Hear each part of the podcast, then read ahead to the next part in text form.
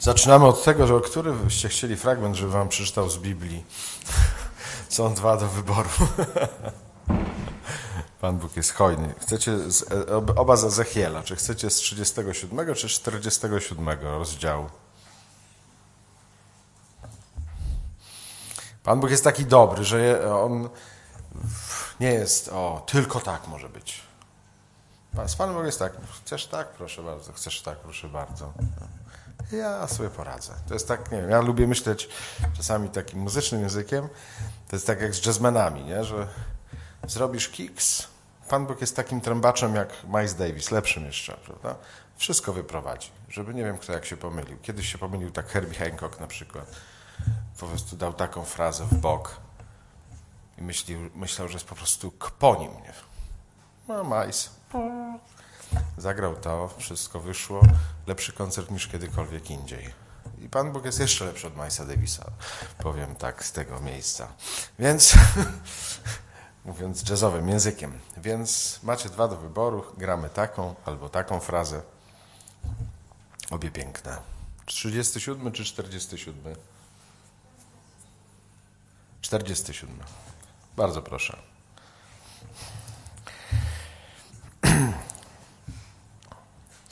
Potem zwrócił się, przepraszam, zwrócił mnie ku wejściu do świątyni, a oto woda wypływała spod progu świątyni w kierunku wschodnim, gdyż fasada świątyni była skierowana na wschód. Woda wypływała spod prawego boku świątyni, z południowej strony ołtarza. Następnie wyprowadził mnie na zewnątrz przez bramę północną i poprowadził mnie do zewnętrznego, zewnętrznej bramy wschodniej, a oto woda wypływała z prawego boku.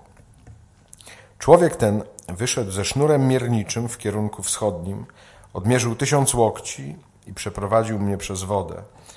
Woda sięgała mi po kostki. Odmierzył następny tysiąc łokci i przeprowadził mnie przez wodę. Woda sięgała mi po kolana. Znów odmierzył tysiąc łokci i przeprowadził mnie przez wodę. Woda sięgała mi do bioder. Odmierzył jeszcze tysiąc.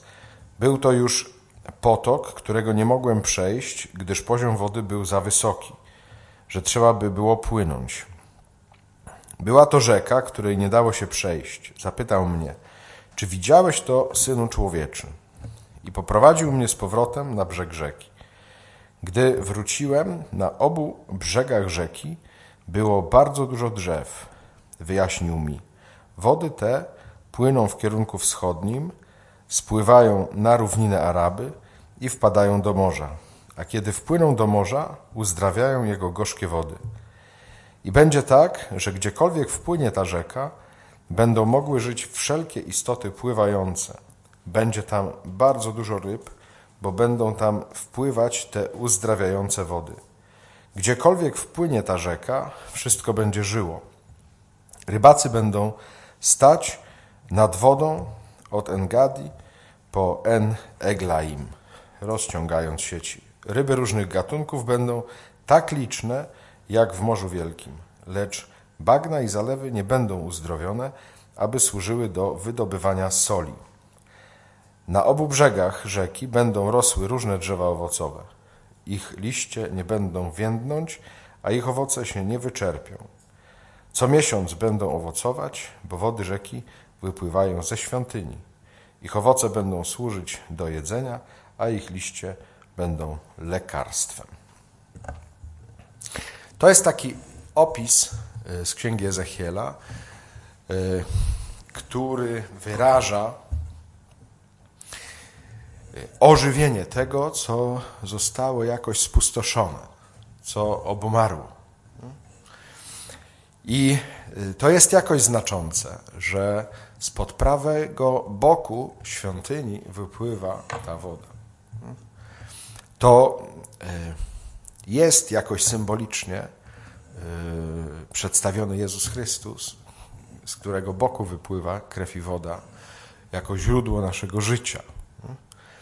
I ta woda się rozlewa w naszym życiu na różne sposoby. Jest coraz głębsza, tak jak tu jest opisane. Najpierw, jak przechodził, były po kostki, potem po kolana, potem po biodra. Potem już nie mógł przejść, bo była woda za głęboka. Że dostajemy łaskę po łasce właśnie skąd? Właśnie od Niego. To jest jakby źródło nasze. Hmm? To, co y, ksiądz Łukasz powiedział, prawda, że mówiliśmy o miłości, dzisiaj o bliskości Jezusa. Ta bliskość Jezusa to nie polega na tym, że jest o, fajny jesteś, prawda, i On cię tu obejmie i będziemy przyjaciółmi, będziemy chodzić po polu. Prawda? Tu idzie o coś dużo głębiej, dużo waż, ważniejszego. Tak jak wczoraj Wam starałem się powiedzieć, jak głęboko w nas siedzi ta nieufność wobec siebie, wobec Boga, wobec wszystkich, prawda? Że to się nie da tak o poklepać po plecach i wszystko będzie dobrze, nie? Że to jest w ogóle do uzdrowienia, do odnowienia, że to musi sięgnąć naprawdę głęboko.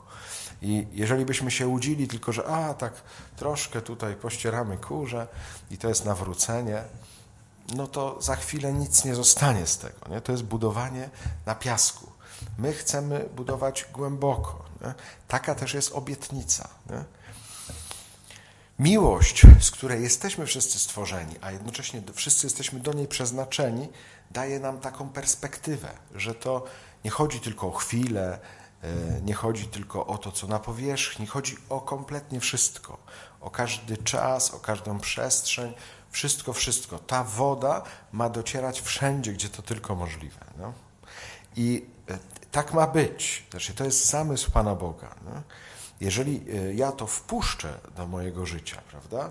Teraz mamy bardzo dużo ruchów takich. Po Soborze Watykańskim II jest taki nowy powiew, prawda, żeby wszystkie ruchy nawiązywały do Chrztu Świętego. Nie? Jest neokatechumenat, potem właśnie w oazie deuterokatechumenat, katechumenat dorosłych, katechumenat, katechumenat, tak i tak. Znaczy, bo to jest rzeczywiście źródło, prawdziwe źródło. Bez tego jakby jest wszystko tylko powierzchniowo. Nie? To jest takie podlewanie trochę konewką albo czekanie, aż deszcz spadnie. A tutaj chodzi o to, żeby była taka rzeka, właśnie, która, tak tu jest pięknie opisane, prawda, pozwala tak się zakorzenić roślinom i drzewom, że co miesiąc wydają owoce. To nawet to nie jest tak jak w Grecji, że dwa razy w roku czy trzy plon, tylko co miesiąc plon, 12 razy w roku plon. Rozumiecie, że to jest taki wyraz, jak to czytał Żyd, jeszcze jak żył na pustyni w Judei, to mówi, to w ogóle jest niemożliwe. Nie? Mi się to przypomina zaraz, jak przyjechali właśnie z Sahary tacy e, czarnoskórzy e, i e, gdzieś do Francji i, ich zawieźli nad wodospad, nie? I oni tak stali, tak. No i któryś tam Francuz mówi, ale o co chodzi? On mówi, czekamy, aż się skończy. Bo on w ogóle myślał, że to Francuzi na jego cześć puścili tyle wody i tak się czuł uszanowany. Nie wiedział, że to tak ciągle płynie. Nie? Jakby, więc to jest jakby nie. Takie było, ich, takie było ich doświadczenie. Nasze doświadczenie nie jest takie, że dostanę tak od wielkiego dzwonu jakąś łaskę, może właśnie na rekolekcjach wielkopostnych, albo jak pojadę gdzieś w wakacje, na jakiś wyjazd z księdzem, to może coś pyknie. Prawda? Nie, że to jest codzienność, że ja codziennie mam łaskę, że ja codziennie mam na przykład 50 zesłań Ducha Świętego. Nie, nie że raz w roku. Nie? Tylko, że wszędzie wstępuje Duch Święty, bo Duch Święty chce wstępować wszędzie. Modlę się, mówię tylko imię Jezus, mówię tylko imię Maryja i już wstępuje Duch Święty. Ja tego doświadczam. Nie? Nie ma tego? O. Nie, bo my jesteśmy nieprzyzwyczajeni, że to ja mam pływać. Nie? Rzeczywiście y, pamiętam taką historię, którą opowiadał ojciec Raniero Cantalamessa, y, jak to jest kaznodzieja papieski. Y, on kiedyś mówił właśnie, jak nawiązując do historii Włoch, kiedy był taki czas, kiedy był wielki głód i ubóstwo, no i to był czas takiej ekspansji Włochów do Ameryki. I sprzedawali często cały majątek, żeby kupić bilety tylko na e, statek i potem płynęli do Ameryki, żeby jakoś e, się odbić nie, z tej biedy. I była taka rodzina, małżeństwo, mieli takiego nastoletniego syna, sprzedali ten majątek, kupili trzy bilety, za resztę kupili no, taki pokarm trwały, chleb i ser, prawda? No i tam kilka tygodni się płynęło do tej Ameryki. No i yy, yy, w pewnym momencie, już tam po kilku tygodniach, ten syn się znudził, prawda? Tym mówi, już chleb i ser, codziennie tylko chleb i ser, już mam dość, już bym zjadł coś normalnego, nie? Więc ojciec tam wysłupał jakieś grosze jeszcze z kieszeni i mówi, dobrze, to synku, to chociaż ty idź zjeść obiad, nie? No i ten poszedł, ale za chwilę wraca jeszcze bardziej wściekły niż był, nie? I mówi, ale tato pyta, ale co się stało? Nie? On mówi, jestem wściekły jeszcze bardziej niż byłem, bo właśnie się okazało, że wszystkie obiady na całą tę podróż są w cenie tych biletów.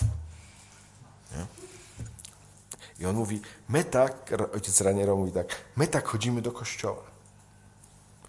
Że masz wszystko, że Bóg ci mówi, tak jak y, ojciec do marnotrawnych synów. Synku, wszystko moje jest Twoje, wszystko moje do Ciebie należy. A Ty, mm, prawda? Chleb i ser, chleb i ser. Nie? Ja mam większą trochę wyobraźnię niż ojciec Raniero chyba, ale ja, ja sobie to rozszerzyłem, że jedziesz, wiesz, na wakacje na Bahama, nie? I jest tam, wiesz, dance, w ogóle ten, banany, kurczę, latasz na tych spadochronach, wiesz, skutery wodne, w ogóle jest Bahama Beach i w ogóle nie wiadomo co, prawda? A ty, wiesz, przyjechałeś, polar, wiesz, chodzisz po kostki w wodzie i mówisz, cieszę się, że przynajmniej nie jest zimno. Że nasze chrześcijaństwo często tak wygląda, nie? Że masz to wszystko, tu całą obfitość, ale nawet nie sięgasz, nie? bo masz jakieś właśnie przeświadczenie, czy też doświadczenie, że to tak nie działa, że ach, raz od wielkiego dzwonu może coś skapnie. Nie? I jeżeli tak jest, to rzeczywiście stoisz, prawda? Przy boku tej świątyni jest kranik i tak co jakiś czas jedna kropelka. No.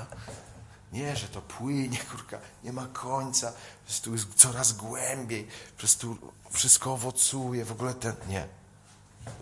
Chyba, że ty stoisz po lewej stronie tej świątyni, czy z tej drugiej strony i nie widzisz, że tam to wszystko płynie, a tu. A. Więc jakby to jest nasz problem. Ja jest, uważam generalnie, że to jest nasz problem. Nie? Że nie korzystamy z tego, co Bóg ma dla nas, co dla nas przygotował. Nie? Czasami może rzeczywiście trzeba po prostu się wkurzyć, że coś nie działa po prostu i zacząć wołać do Boga, żebym ja widział Jego cuda, żebym widział Jego znaki, żebym widział Jego obecność.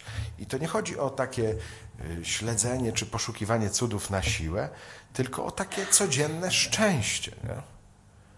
Bo jednocześnie jak go znam, to widzę, że on nie skąpi. Nie? Że on naprawdę ma obfitość, daje. Nie? Tylko, że gdzieś ten problem, ten opór jest jakoś w nas. Nie? I tu diabeł oczywiście nie śpi i to jest zabezpieczone na kilka rygli, jak to się mówi. Nie? To nie jest na takiej zasadzie, że wystarczy otworzyć drzwi i już to wszystko jest. Diabeł to, to zabezpieczył nie? przez różne właśnie nasze przeświadczenia, przez różne nasze pokombinowania, pokręcenia w głowie. Nie? nie? Jakieś lęki, obawy i tak dalej, i tak dalej. Tego jest tyle w nas, że na pewno jednym ruchem się nie da tego zrobić. Czasami Pan Bóg tak sprawia, że po prostu nagle się jakoś tak robi taki fluksus, wypływ, taki prawda? I to pójdzie i nagle mówisz, wow. Nie? Ale to rzeczywiście jest flash, tak na chwilę, nie? A nam zależy, żeby to się działo cały czas, a nie tylko właśnie od wielkiego dzwonu, jak to się mówi. Więc w tym słowie, które przed chwilą przeczytałem, jest obietnica, nie? wyobrażenie. I też tak jak starałem się Was przekonać wczoraj, to nie jest tak, że o to kiedyś tak będzie. Tylko, że to jest teraz czas upragniony, teraz jest dzień zbawienia. Teraz ma się to wydarzyć, dziś. Nie, nie wiem, czy znacie takiego świętego ekspedyta. Nie znacie? jak ja poznałem w nowicjacie, jak byłem, bo taki ojciec Aleksander Koza, on zawsze się modlił o pogodę dobrą na przechadzki, jak chodziliśmy na spacery całodzienne, żeby nas, mieliśmy, i zawsze mieliśmy dobrą pogodę, nie? no bo do kogo się modlić? Do świętego ekspedyta, od ekspedycji, prawda? Znaczy tak mu się kojarzyło. A to był e, żołnierz rzymski, który był męczennikiem, bo był e, dowódcą legionu chrześcijańskiego, no i potem przyszedł inny cesarz, no i e, kilim, krótko mówiąc, i tyle. Natomiast jest przedstawiany jako taki właśnie żołnierz rzymski. Jak zobaczycie kiedyś takiego żołnierza, w, takie, w taką figurę albo obraz i przy, tym, e, przy nim będzie kruk, to to jest ten. I dlaczego to mówię? Dlatego, że jest przedstawiony właśnie, że ten kruk tak, zwykle ma taką szarfę, prawda, na której jest napisane kras. Tak jak kracze, nie? Kra, kra. Kras to znaczy jutro. Nie? A ekspert mówi chodie, czyli dziś. Więc pokusa czasami, albo nawet często, diabelska jest kras. Można zapamiętać ładnie. Czyli jutro będzie tak, jutro, jutro. Poczę, to, to jutro. Nie? To, to też święty Augustyn zna ten temat. Mówi, nawróć mnie, ale jeszcze nie dziś. Nie? I my to mamy w sobie, nie? że to no, jutro się nawrócę, jutro zacznę. Nie? nie wiem, jak mówiłem, jestem mistrzem efektu jojo. Prawda? Zawsze w dietach jest, że ja jutro zacznę się odchudzać. Nie? Jakby. Znamy to. Więc tu jest ten temat taki, który rzeczywiście się przekłada na nasze życie duchowe jako coś, prawda, co nas oszukuje. Nie? I jednocześnie Panu Bogu bardzo zależy, żebyśmy się nie dawali oszukać, ale musimy nabrać mądrości. To, co jest y, y, nad Jordanem się dzieje, kiedy Jezus słyszy ten głos, to jest mój syn umiłowany, w którym mam upodobanie. Nie? I to jest y, też to, co starałem się Wam wczoraj powiedzieć, a dzisiaj też przyszło to słowo w Ewangelii. O ojcostwie słowo to jest zawsze właśnie słowo o synostwie też, bo nie da się mówić ojciec o kimś, jak nie jest się dzieckiem. Prawda? Jeżeli my mamy się modlić Ojcze nasz, to tak się może modlić tylko syn lub córka. Nie wiem, mówiąc najprościej, jakbyś poszedł do sąsiada i powiedział tato, nie? że do ojciec mówisz tylko do ojca. A to znaczy, że jesteś, możesz mówić tak, jak jesteś synem nie? albo córką. No to wtedy jesteś na swoim miejscu. Samo, ja uważam, że samo powiedzenie ojcze już jest zesłaniem Ducha Świętego. Bo jesteś w tym momencie na swoim miejscu, tam gdzie masz być. Bo jesteś synem, córką i to jeszcze ukochaną. Nie? Z samego tego, nie?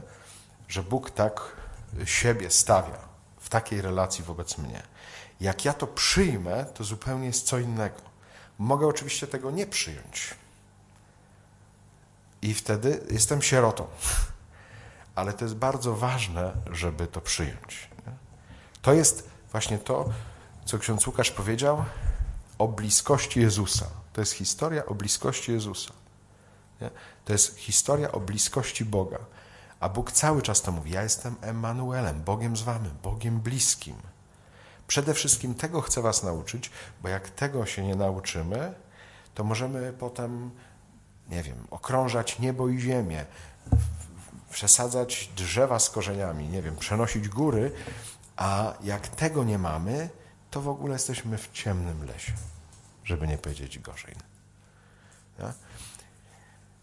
Więc to jest jakaś pierwsza rzecz, o którą warto zawalczyć, jeżeli myślimy o bliskości Jezusa. Nie?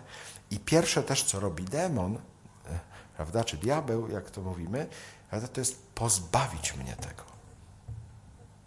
Pozbawić mnie tej więzi. Pozbawić mnie tej godności. Jak jemu się uda mnie tego pozbawić, to ja potem właśnie zaczynam być najemnikiem, albo niewolnikiem, na pewno nie synem, i wtedy zaczynam właśnie liczyć, zarabiać na miłość i tak dalej, i tak dalej. Wszystko się zmienia. Nie? Jak dam sobie tutaj to zabrać, nie? Tak się waham, czy wam to mówić, czy nie. Kurczę, dobrze, powiem. Nie, bo nie chcę przedłużać, ale powiem wam, może wam potrzebne to. Pojechałem na rekolekcję dla muzyków. Siadłem przy kolacji i spotykam takiego gitarzystę basowego.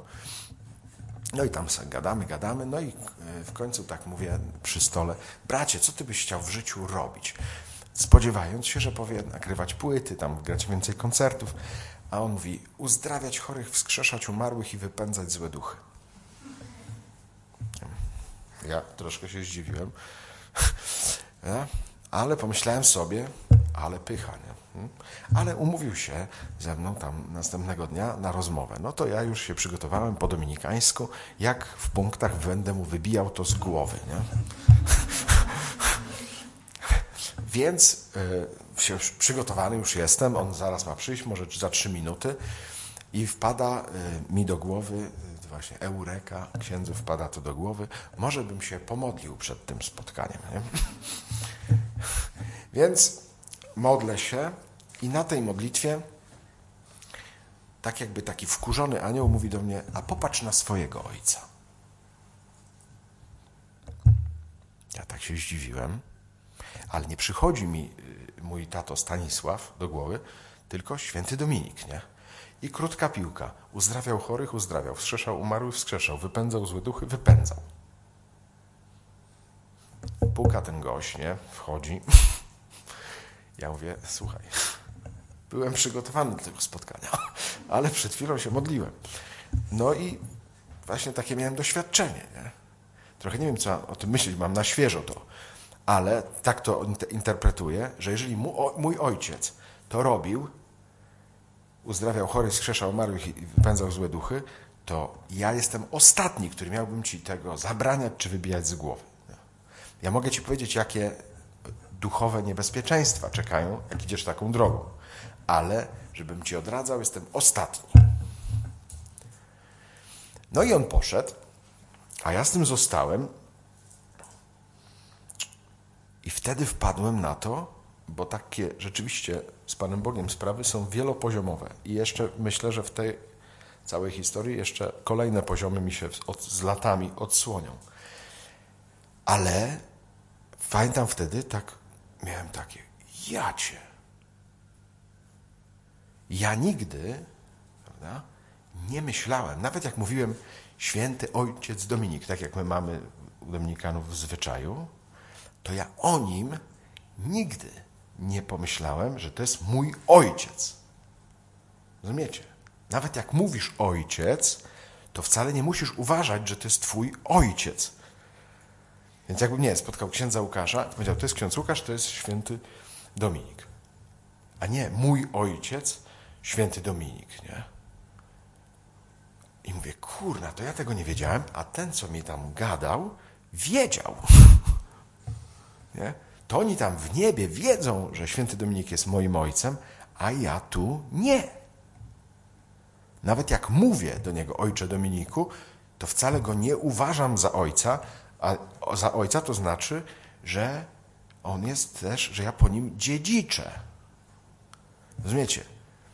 Że to, jak on mówi, wszystko moje jest twoje, to Dominik, który, o którym też tam czytamy, powiedzmy, że jak umierał, mówił: Więcej będziecie mieli ze mnie pożytku, jak ja pójdę do nieba, niż tu na ziemi.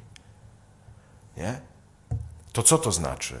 Że on daje obietnicę na do widzenia, prawda? Że my możemy w nim wszystko. Że możemy na niego liczyć i tak jak on był, mówi się, wodzem kaznodziejów, prawda? To my powinniśmy głosić po prostu tak jak on nawet te. Że, że tak jak Pan Jezus nie uzdrawiał cieniem, to już Piotruś uzdrawia, nie?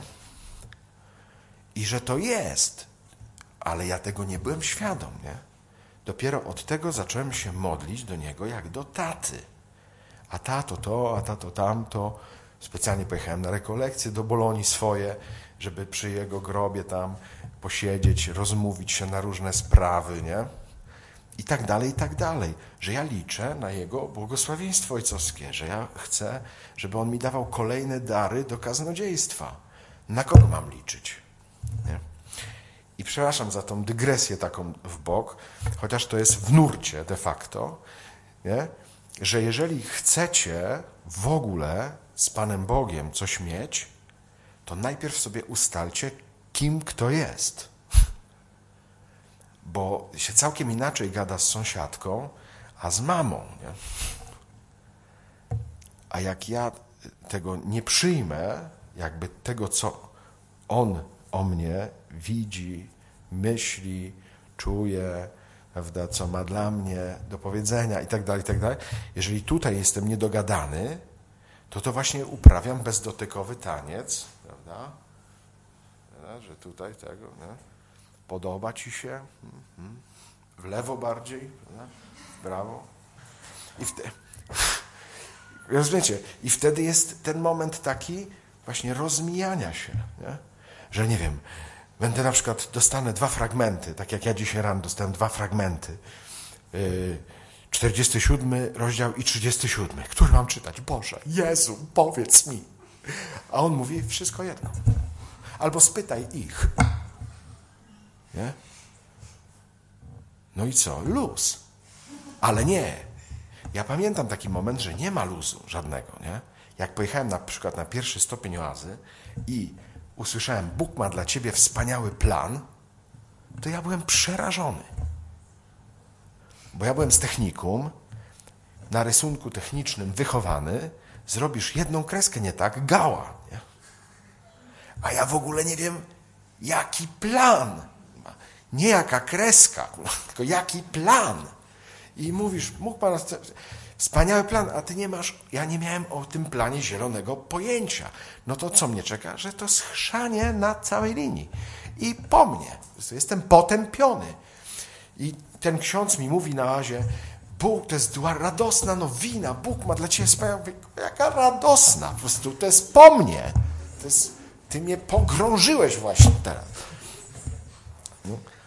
Więc różnie to przeżywałem. No, Jacek Sali, mój współbrat obecnie, Dominikanin, mnie uratował, bo kiedyś słuchałem i on mówi, lepszym słowem byłoby zamysł. Zamysł to rozumiem, kurka. Ale jaki plan? Nie? Bo myślałem technicznie. Trudno. Nie? I człowiek się czasami tak wpakuje na minę, taką, co cię przestraszy, i potem cały w lęku żyjesz, nie? Czy nie przekroczysz za bardzo w tą czy w tą? Nie zrobisz tego za dużo, za mało, nie? Tam siedzi na górze Pan Jezus mówi, ja pierdzielę. Nie zna mnie w ogóle, że mi jest wszystko jedno. Rozumiecie, że to są ważniejsze rzeczy do robienia, nie?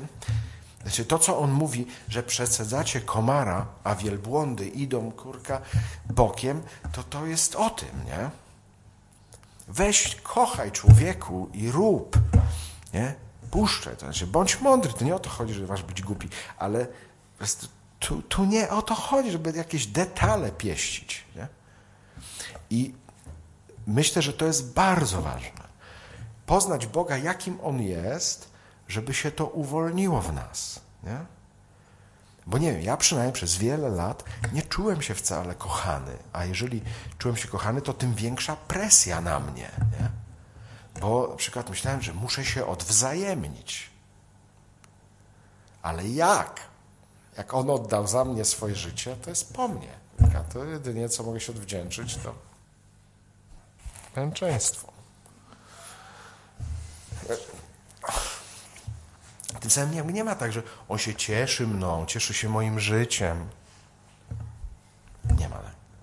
Więc w tym możemy bardzo utknąć. Możemy wejść w taką ślepą uliczkę i tam się zatracać w tych naszych wyobrażeniach w tym temacie. Nie? A tu w ogóle nie jest ten temat. Dlatego pierwsze, czego my potrzebujemy tak naprawdę od Pana Boga, to żeby On nas pouwalniał z tych pułapek, w których my tkwimy. Czasami nam to zafundowali rodzice, czasami właśnie, nie wiem, katecheci, ktoś tam, prawda? No ja miałem na przykład takie doświadczenia, jak zacząłem czytać Biblię, to wszyscy księża przede mną uciekali, nie? Bo ja miałem pytania. Jak oni mnie tylko widzieli na horyzoncie, Nowak. No? Może dlatego mnie uwiedli Dominikanie. Prawda? To była złożona sytuacja. Ale pamiętam, spotkałem pierwszego Dominikanina i mówię, o kurka, on mnie nie zna, to ja go spytam. No, no to zbliżyłem się, mam pytanie, zadaję pytanie, on mówi, wow, naprawdę zadajesz sobie takie pytania? Ja mówię, nie uciekł. Ale tego było mało. On mówi, słuchaj, wiesz, nie znam odpowiedzi na to pytanie, wiesz, ale to doczytam, jak się spotkam następnym razem, sobie pogadamy. Ja mówię, on nie uciekł, jak nie znał odpowiedzi. To jest niemożliwe. Czy ty jesteś prawdziwy?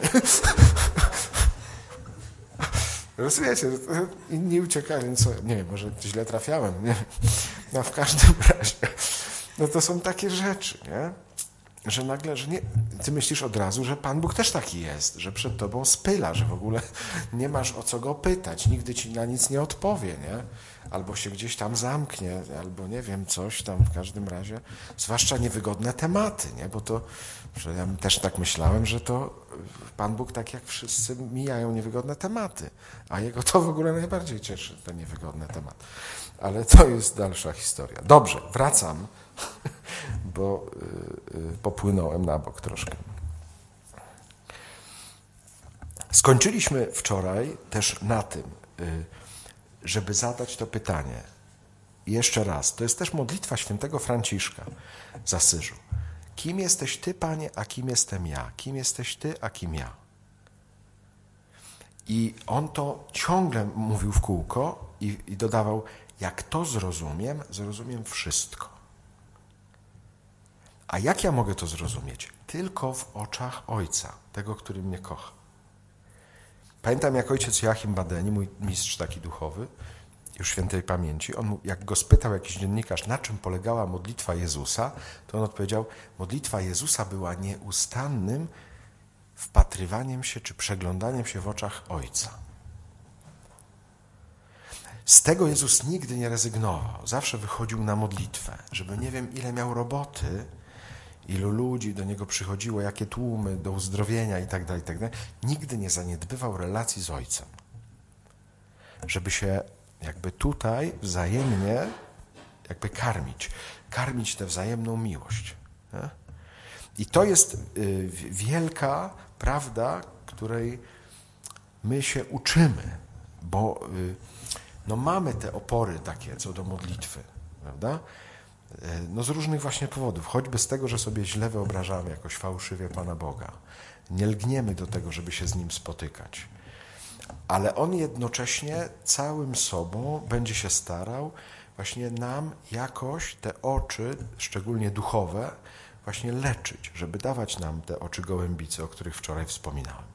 Nie? Czyli żebyśmy patrzyli w Duchu Świętym, że to jest mój przyjaciel, że ja w nim znajdę to wszystko, czego w nikim nie znajdę czego też w sobie nie znajdę, sam tego sobie nie zrobię. To wszystko jakby jest jakiś dar od Niego, nie? tylko potrzebuję się nauczyć z Nim spotykać, nauczyć do Niego przychodzić, nauczyć się przeglądać właśnie w tych Jego oczach. To jest bardzo e, ważne, dlatego że On widzi sprawy całkiem inaczej niż my. Nie? Choćby taki przykład, prawda, że jak on patrzy na tłumy, każdy normalny, nie wiem, duchowny, rabin, ksiądz, nie wiem kto, jakby zobaczył, że przyszły, kurka, tłumy, nie? to są tysiące ludzi, nie? to byś mówił, wow, super. Nie? Tak można by pomyśleć, nie wiem, jak ja z Adamem głosimy na przykład, nie wiem, na, dla 17 tysięcy, to myślisz, wow, ale super. W ogóle super, nie? Tylko, że jak Jezus, wiesz, gromadzą się te tłumy, on mówi, jak oni są znękani i porzuceni, jak owce bez pasterza. Wzruszył się do głębi. Tu, to nie mamy, tu nie ma, w Jezusie nie ma myślenia takiego, duszpasterskiego w cudzysłowie, jak mi ładnie przyszli. Prawda? Tylko patrzy w serce, nie? Jakby, jak oni się mają, że się źle mają. Są znękani i porzuceni, nie? że potrzebują, żeby ich nauczać. Tam jest właśnie, zobaczył ich jako pasterza i zaczął ich wiele nauczać. Nie? Że oni potrzebują pasterskiego słowa, słowa pasterskiej miłości. Nie? Ale takiej, że owieczka się cieszy. Czyli, że odpoczywa, że się czuje nakarmiona, że się czuje prawda, wypoczęta po tym, nie? Jakby to, to jest taki moment, jakby, nie? Że dobry pasterz wie, czego potrzeba, nie?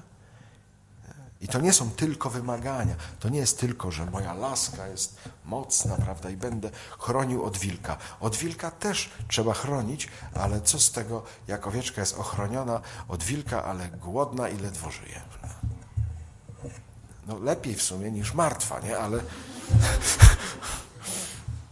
ale no nie, no dobry pasterz dba, nie, wilka oczywiście nie, ale żeby i nakarmić, i żeby sobie poleżała, trochę, no to wszystko jest potrzebne. Więc warto też to zobaczyć, prawda? że ja się uczę widzieć tak, jak on widzi. Nie? To jest też inny moment taki, jak choćby rozmnożenie chleba. Ci apostołowie mają współczucie, nie? widzą, sami przyszli, powiedzieli, są głodni już. Więc to nie jest tak, że oni, nie wiem, są jacyś źli, nie? czy jakiś, jakiś głupi. No nie, w tym sensie, że oni mają współczucie, mają troskę, mają pomysły nawet. Odeślimy do wsi, to sobie kupią. Mają troskę. Jakby no niczego im po ludzku nie brakuje. Ale nie widzą spraw, jak widzi Jezus. Czego nie widzą? Jednej rzeczy nie widzą. Pod tytułem Co może Jezus? Że jest to wszystko i dobrze widzą, prócz tego, co może Jezus. Maryja, żeby powiedzieć o kimś, kto widzi, ma oczy gołębicy, przychodzi w kanie do Pana Jezusa i mówi: Nie mają wina. Koniec tematu bo ona wie, co on może. Nawet jak on się troszkę tam, nie, czy to moja godzina, prawda? To już go w ogóle nie słucha, nie? Ona widzi sprawy, widzi potrzeby, widzi, co może. Jedno krótkie zdanie nie jest jak poganin, wielomówna. Jedno krótkie zdanie do Jezusa, nie mają wina, do nich, zróbcie co powie, koniec tematu jest. Koniec modlitwy. 600 litrów wina. Nie? Znaczy, to jest to. Znaczy, my tego szukamy, my do tego dążymy. Rozumiecie? Nie? Co nie znaczy, że nas nic złego w życiu nie spotka, ale spotka nas zawsze z Nim, nie bez Niego. Nie? I to, kim ja jestem, jest absolutnie podstawowe jakby z tego naprawdę wynika wszystko. Jak ja żyję, jak funkcjonuję, nie? co robię, czego nie robię. To tu jest klucz. Nie? Dlatego o tym mówię, że nim w ogóle pójdziemy do ludzi, nie wiem, chcemy tworzyć wspólnotę, nie? czy ewangelizować, to najpierw potrzebujemy osobistego odrodzenia odnowienia. Bo tak to z czym pójdę? I oczywiście nie chodzi mi o to, że teraz, och, nigdy, nigdzie się nie ruszę, dopóki nie będę aniołem. Prawda? Nie, to nie w tym rzecz. Ale czy ja daję Panu Bogu przemieniać się? Nie? Że jeżeli ja czegoś chcę, chcę gdzieś pójść, chcę działać, chcę ewangelizować, cokolwiek innego, to najpierw potrzebuję sam przyjąć łaskę. Nie? Miałem kiedyś takie widzenie tej przypowieści o marnotrawnych synach, kiedy sam byłem wypalony zawodowo. Nie? W tym sensie, że po pięciu latach kapłaństwa byłem jak roślinka prawie, bo zaraz po święceniach jakbym się zerwał z łańcucha, nie?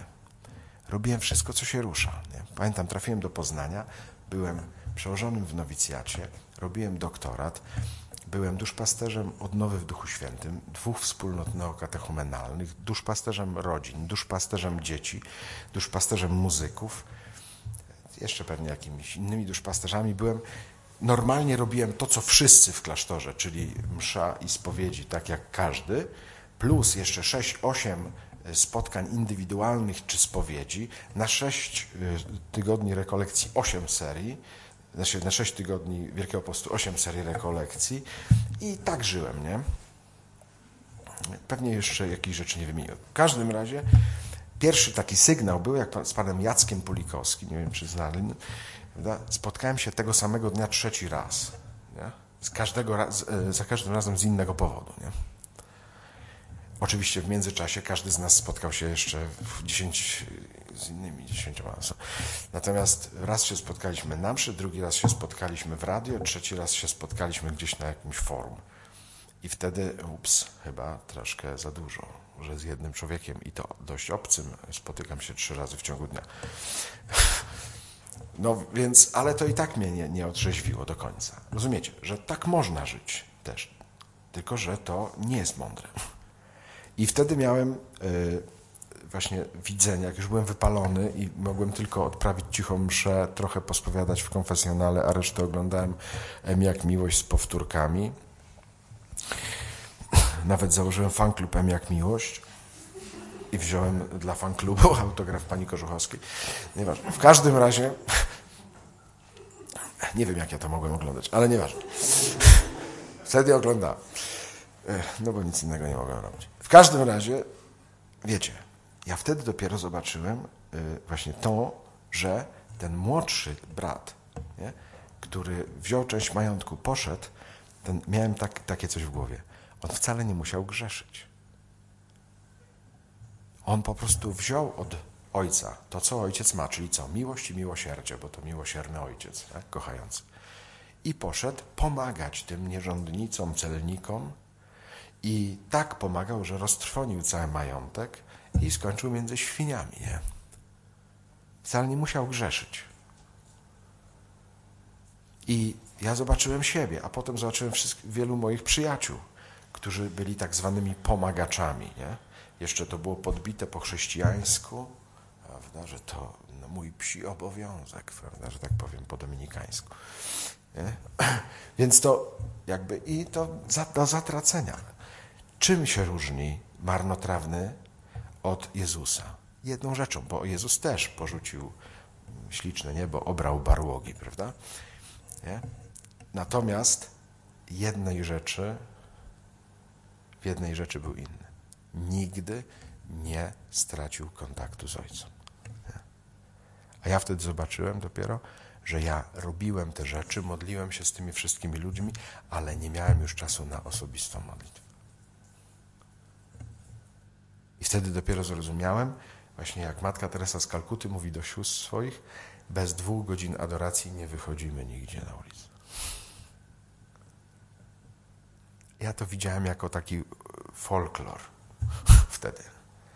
A potem to zobaczyłem na własnej skórze. No? Jak to się przekłada. I wtedy dostałem lekcję od stewardessy, żeby dopiąć ten temat. W samolocie siostry, mówi ta stewardessa, jak będzie niebezpieczeństwo, wypadają te maski. I najpierw nakładasz sobie, a potem dziecku. A ja wiesz, prawie wysiadłem z tego fotela. Nie mówię, jak? Najpierw dziecku, potem sobie, nie? A ona z uporem, najpierw sobie, potem dziecku. A ja mówię, nie, najpierw dziecku, potem sobie. A ona mówi, nie, bo jak nie założysz sobie, to już dziecka nie uratujesz.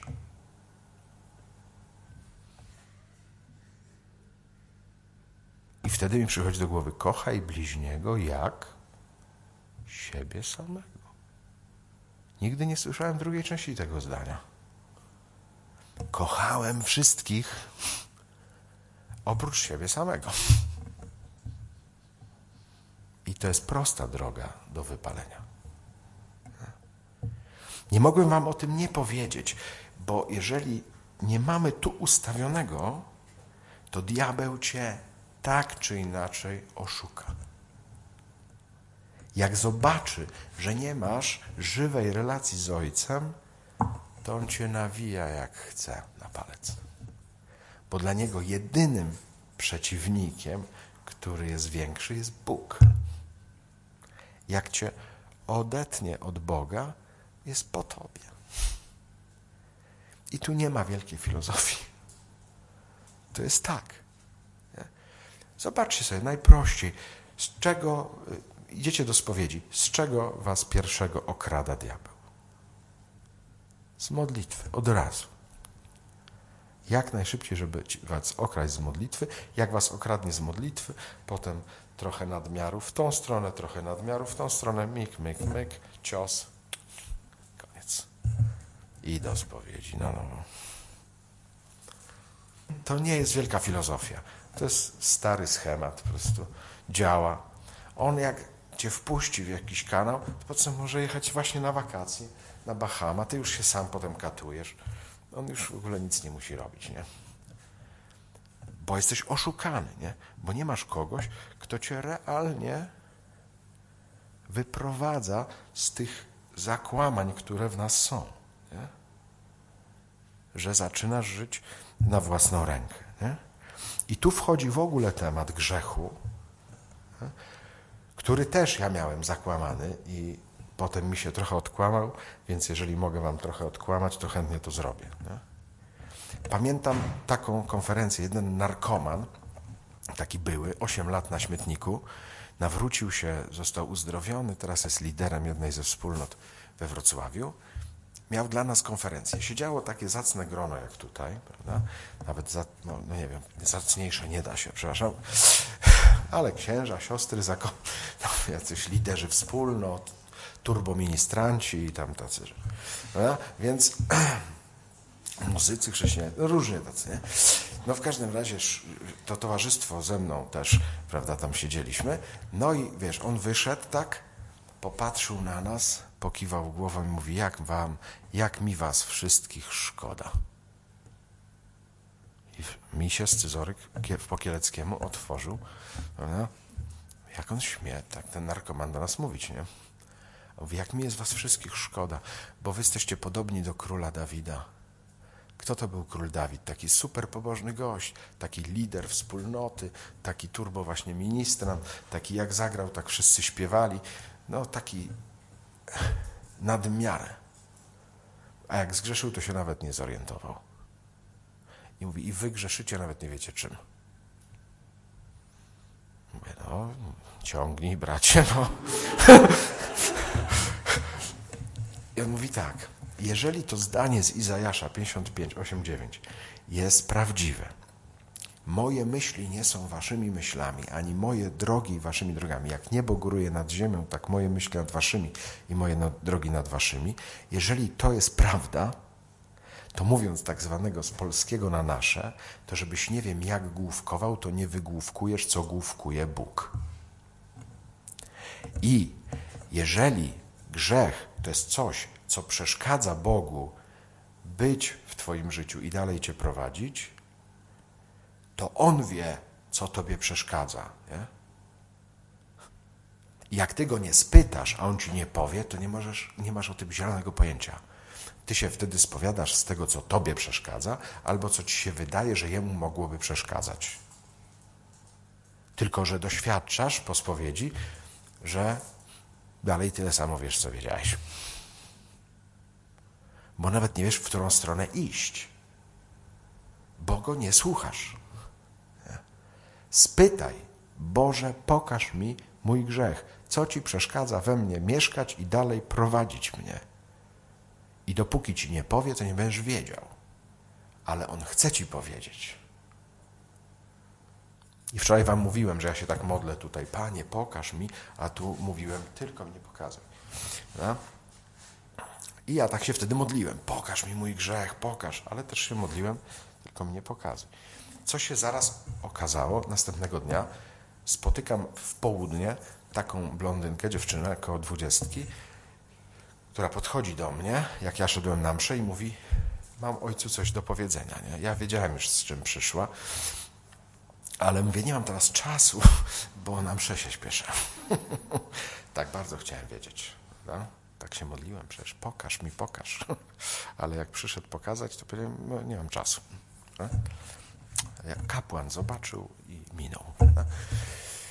Ale dopadła mnie na tych jeszcze o 15 i musiałbym szpetnie skłamać, bo miałem pół godziny, nie?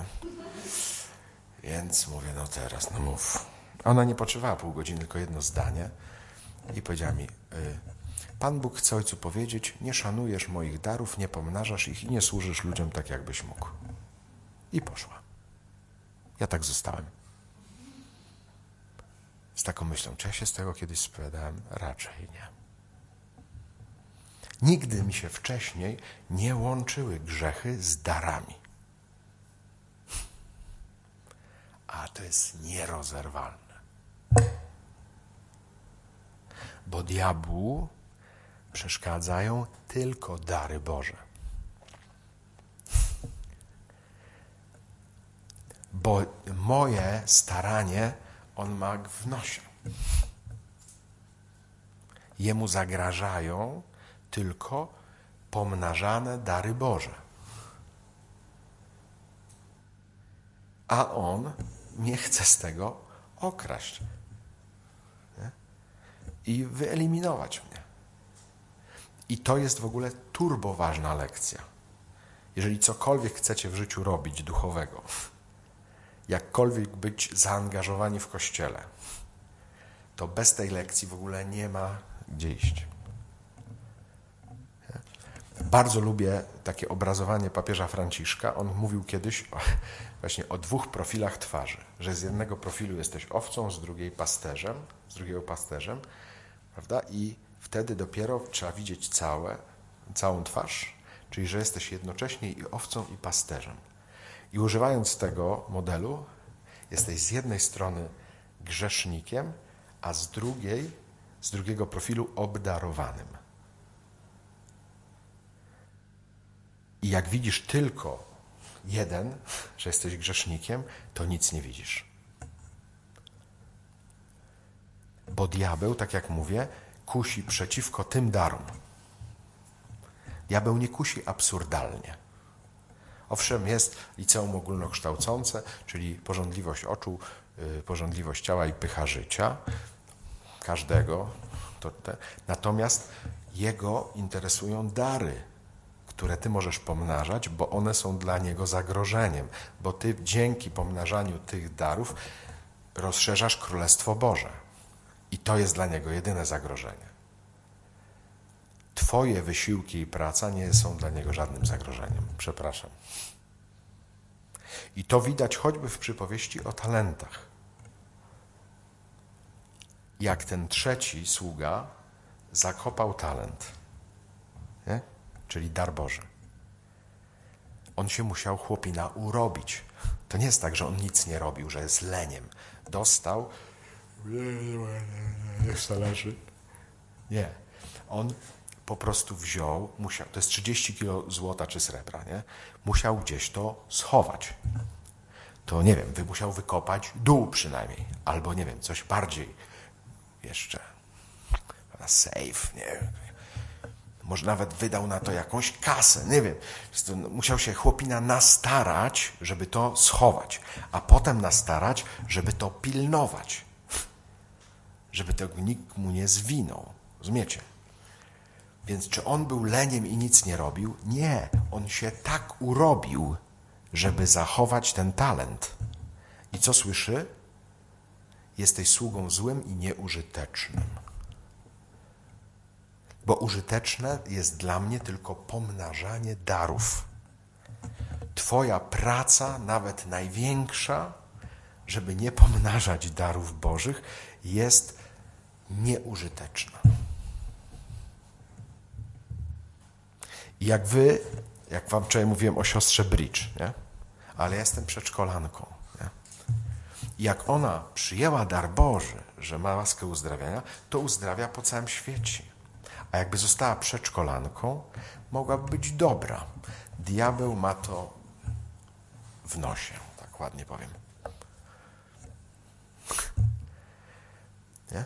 Bo ona ma inny dar. Gdyby była, gdyby miała dar bycia przedszkolanką, okej, okay, tutaj dokonywałoby się zbawienie. Ale jak nie ma tego daru, tylko ma inne dary, a robię co innego, czyli na przykład jest ten temat z Piotrem, który ma być skałą, łowić ludzi i być fundamentem kościoła, a idzie łowić ryby, no to on już nie jest rybakiem od ryb. I w tym sensie diabeł nie ma z nim żadnego problemu. Ja mogę mówić, ale robię. Nie? To jest też moment takiego decydowania się.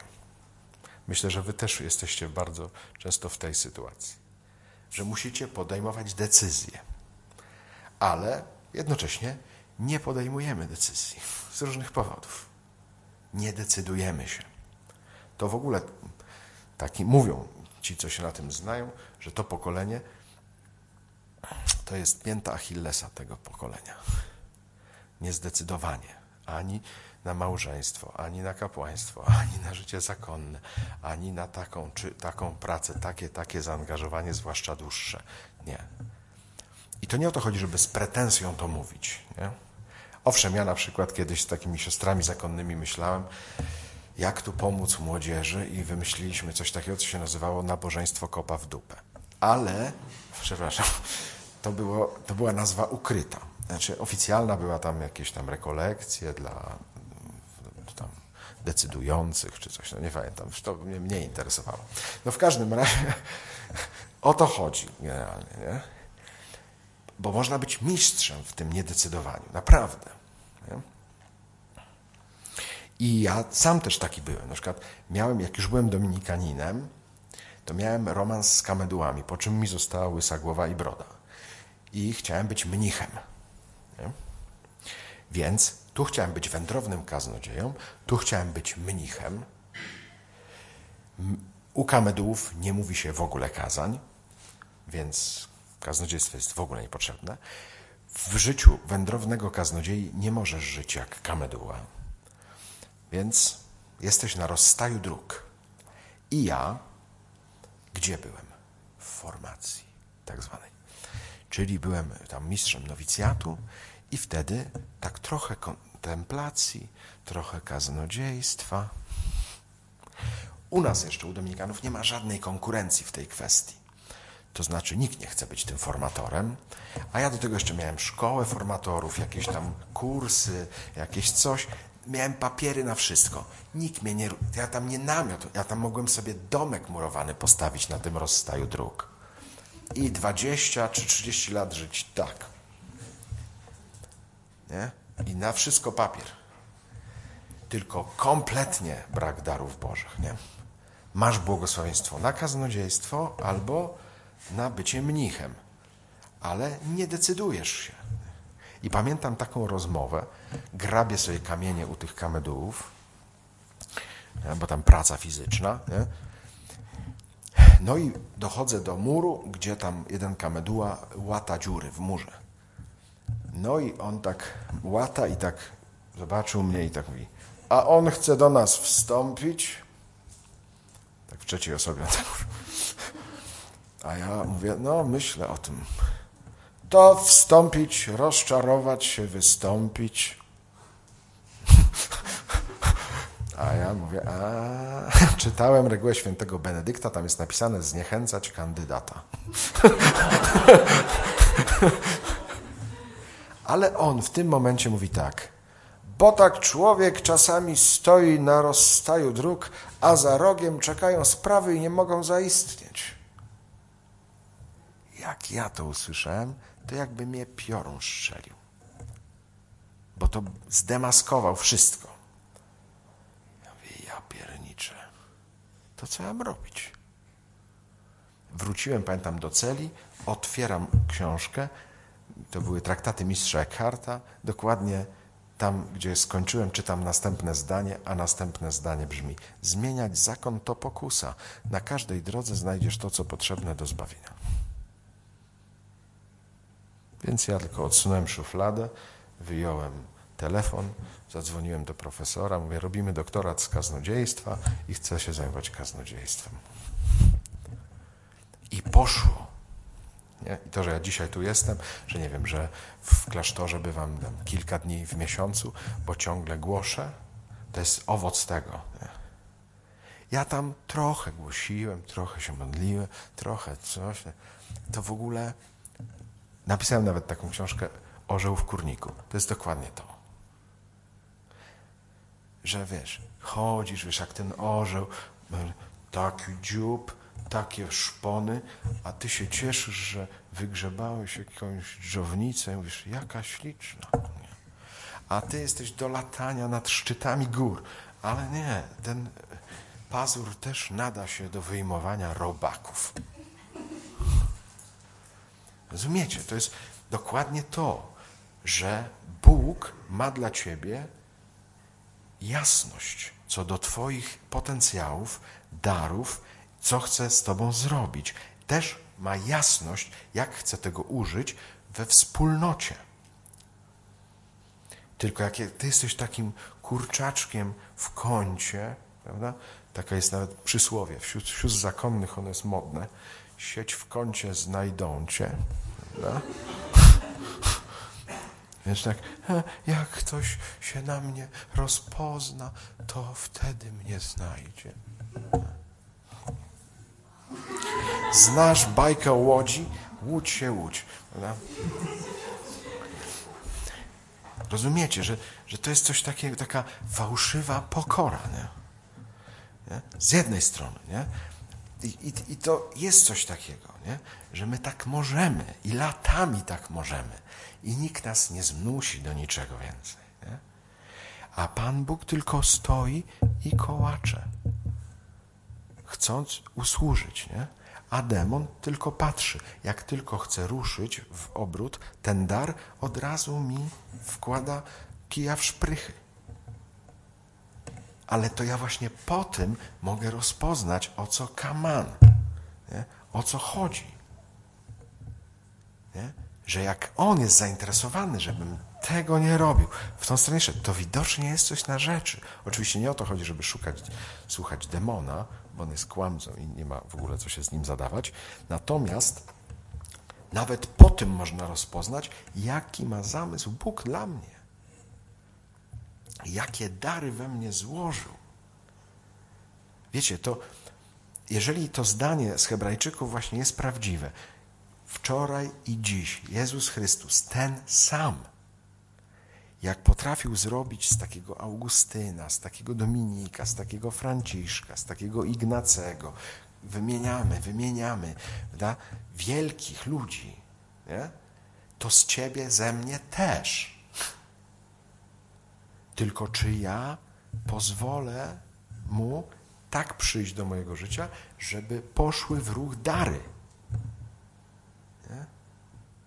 Bo inaczej jestem jak taki osiołek w kieracie. Nie? Znacie to? Nie. Że chodzisz, pocisz się nie? i ciągle jesteś w tym samym miejscu.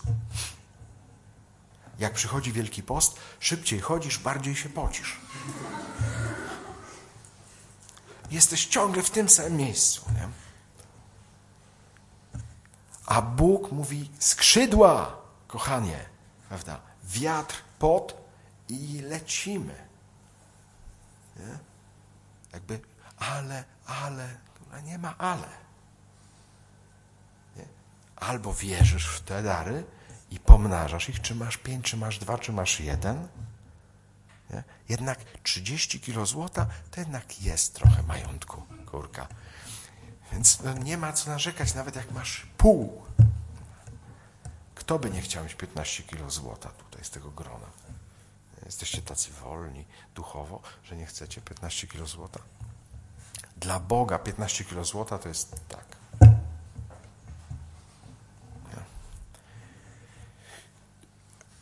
Do takiego czegoś jesteśmy, wiecie, zaproszeni. Ja to wam chcę powiedzieć. Chcę, chcę wam po prostu to włożyć do serc. Nie? Że Boga natomiast interesuje tylko pomnażanie darów, które w nas złożył. bo On nam dał najlepsze, co tylko miał dla mnie. To też powoduje, że jak zacznę je puszczać w obrót, to to mnie zacznie uszczęśliwiać. Nie ma innego wyjścia, bo to jest tak do mnie pasujące. I jasne, że to tak się przekłada. Na przykład, jak ja gadam, to jestem najszczęśliwszym człowiekiem na świecie. Oczywiście przed chwilą, jak tam siedzę, to nie mam nic do powiedzenia. I za chwilę, jak siądę, też nie będę miał. Ale w tym momencie, po prostu jak tu siedzi święty Dominik, Jacek, Tomasz Zakwinu i mówią, głoś, głoś. No, no to ja głoszę. Co mam robić?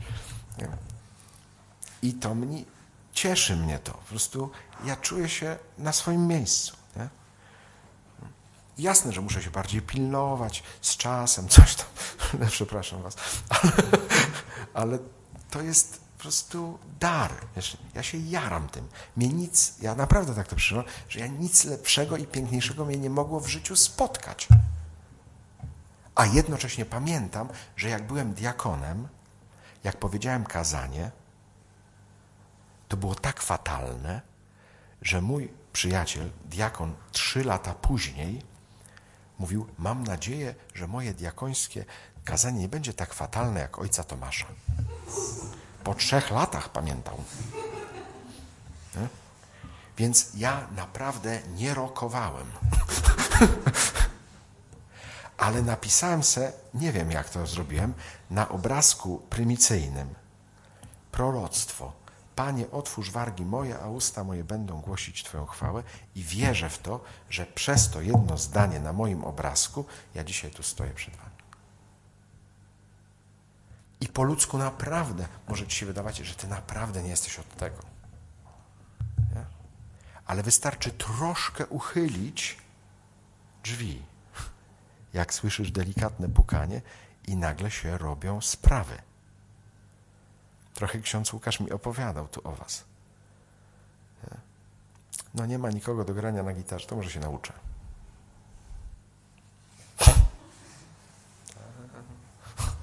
Ostatnio byłem na takim spotkaniu. Y, dziewczyna, nie, kobieta, 45 lat, dostała na modlitwie, modliła się i dostała, że Pan Bóg daje jej dar grania na gitarze. I teraz, nie wiem ile mogło minąć od tej modlitwy, półtora roku, jest liderką uwielbienia, gra na gitarze. Miała 45, jak nie miała nic. Ja nie wiem, to nie chodzi mi tylko o to, żeby takie zaskakujące historie, bo to może się bardzo konkretnie wpisywać w to, co jest też naturalne dla nas. Ale jak do tego, co we mnie naturalne, nie włożę daru Bożego, który się ma pomnożyć, to to ciągle pali na panewce i nie ma szans mnie uszczęśliwić. Tylko tak naprawdę może być na przykład powodem mojego unieszczęśliwienia. Że ja się ciągle w tym nie czuję, bo ciągle widzę, że to jest niedopełnione. Niedopełnione. Nie? Że może nawet coś jest na rzeczy, ale ciągle ma, przeżywam jakąś porażkę. No bo nie otworzyłem drzwi. Nie dałem tego. I jakby jest tyle. Nie? Kończę już. Nie da się tego wszystkiego zrobić bez modlitwy. To wszystko jest z modlitwy.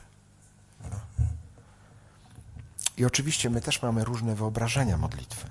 Więc powiem tylko jedno zdanie, najmądrzejsze, jakie słyszałem o modlitwie. Kiedyś taką zakonnicę spytali, jaka jest modlitwa jest najlepsza. I ona odpowiedziała, ta, którą modlisz się najlepiej.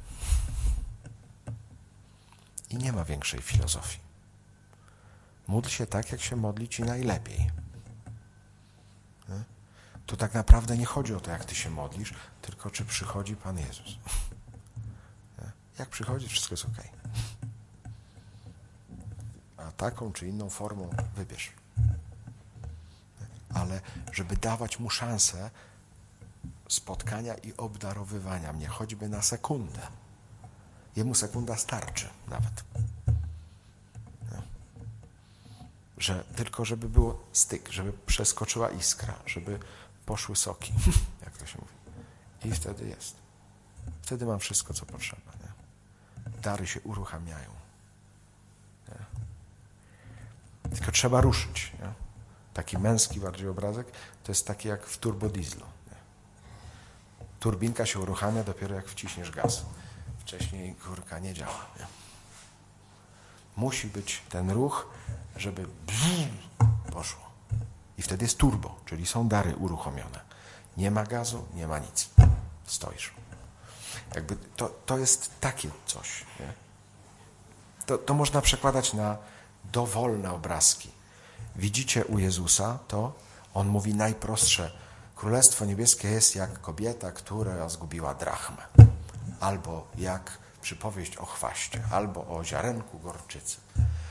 To on po prostu widzi, Królestwo Boże ma przed oczami, był tam, zna się i mówi, a widzę taką historię tu, oto jest tak mniej więcej z Królestwem Bożym, a tak jak tutaj, nie? albo jak ktoś nasienie wrzucił tego, czy śpi, czy czuwa, ono rośnie. To jest tak z Królestwem Bożym. Bierzesz, nie wiem, z samochodów, z chemii, z fizyki kwantowej, co tylko chcesz.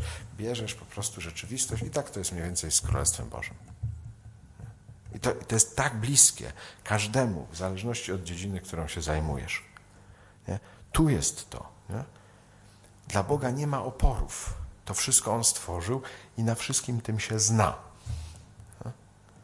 Więc jak tylko Mu pozwolisz czymkolwiek się zająć, to On zaraz się tym zajmie.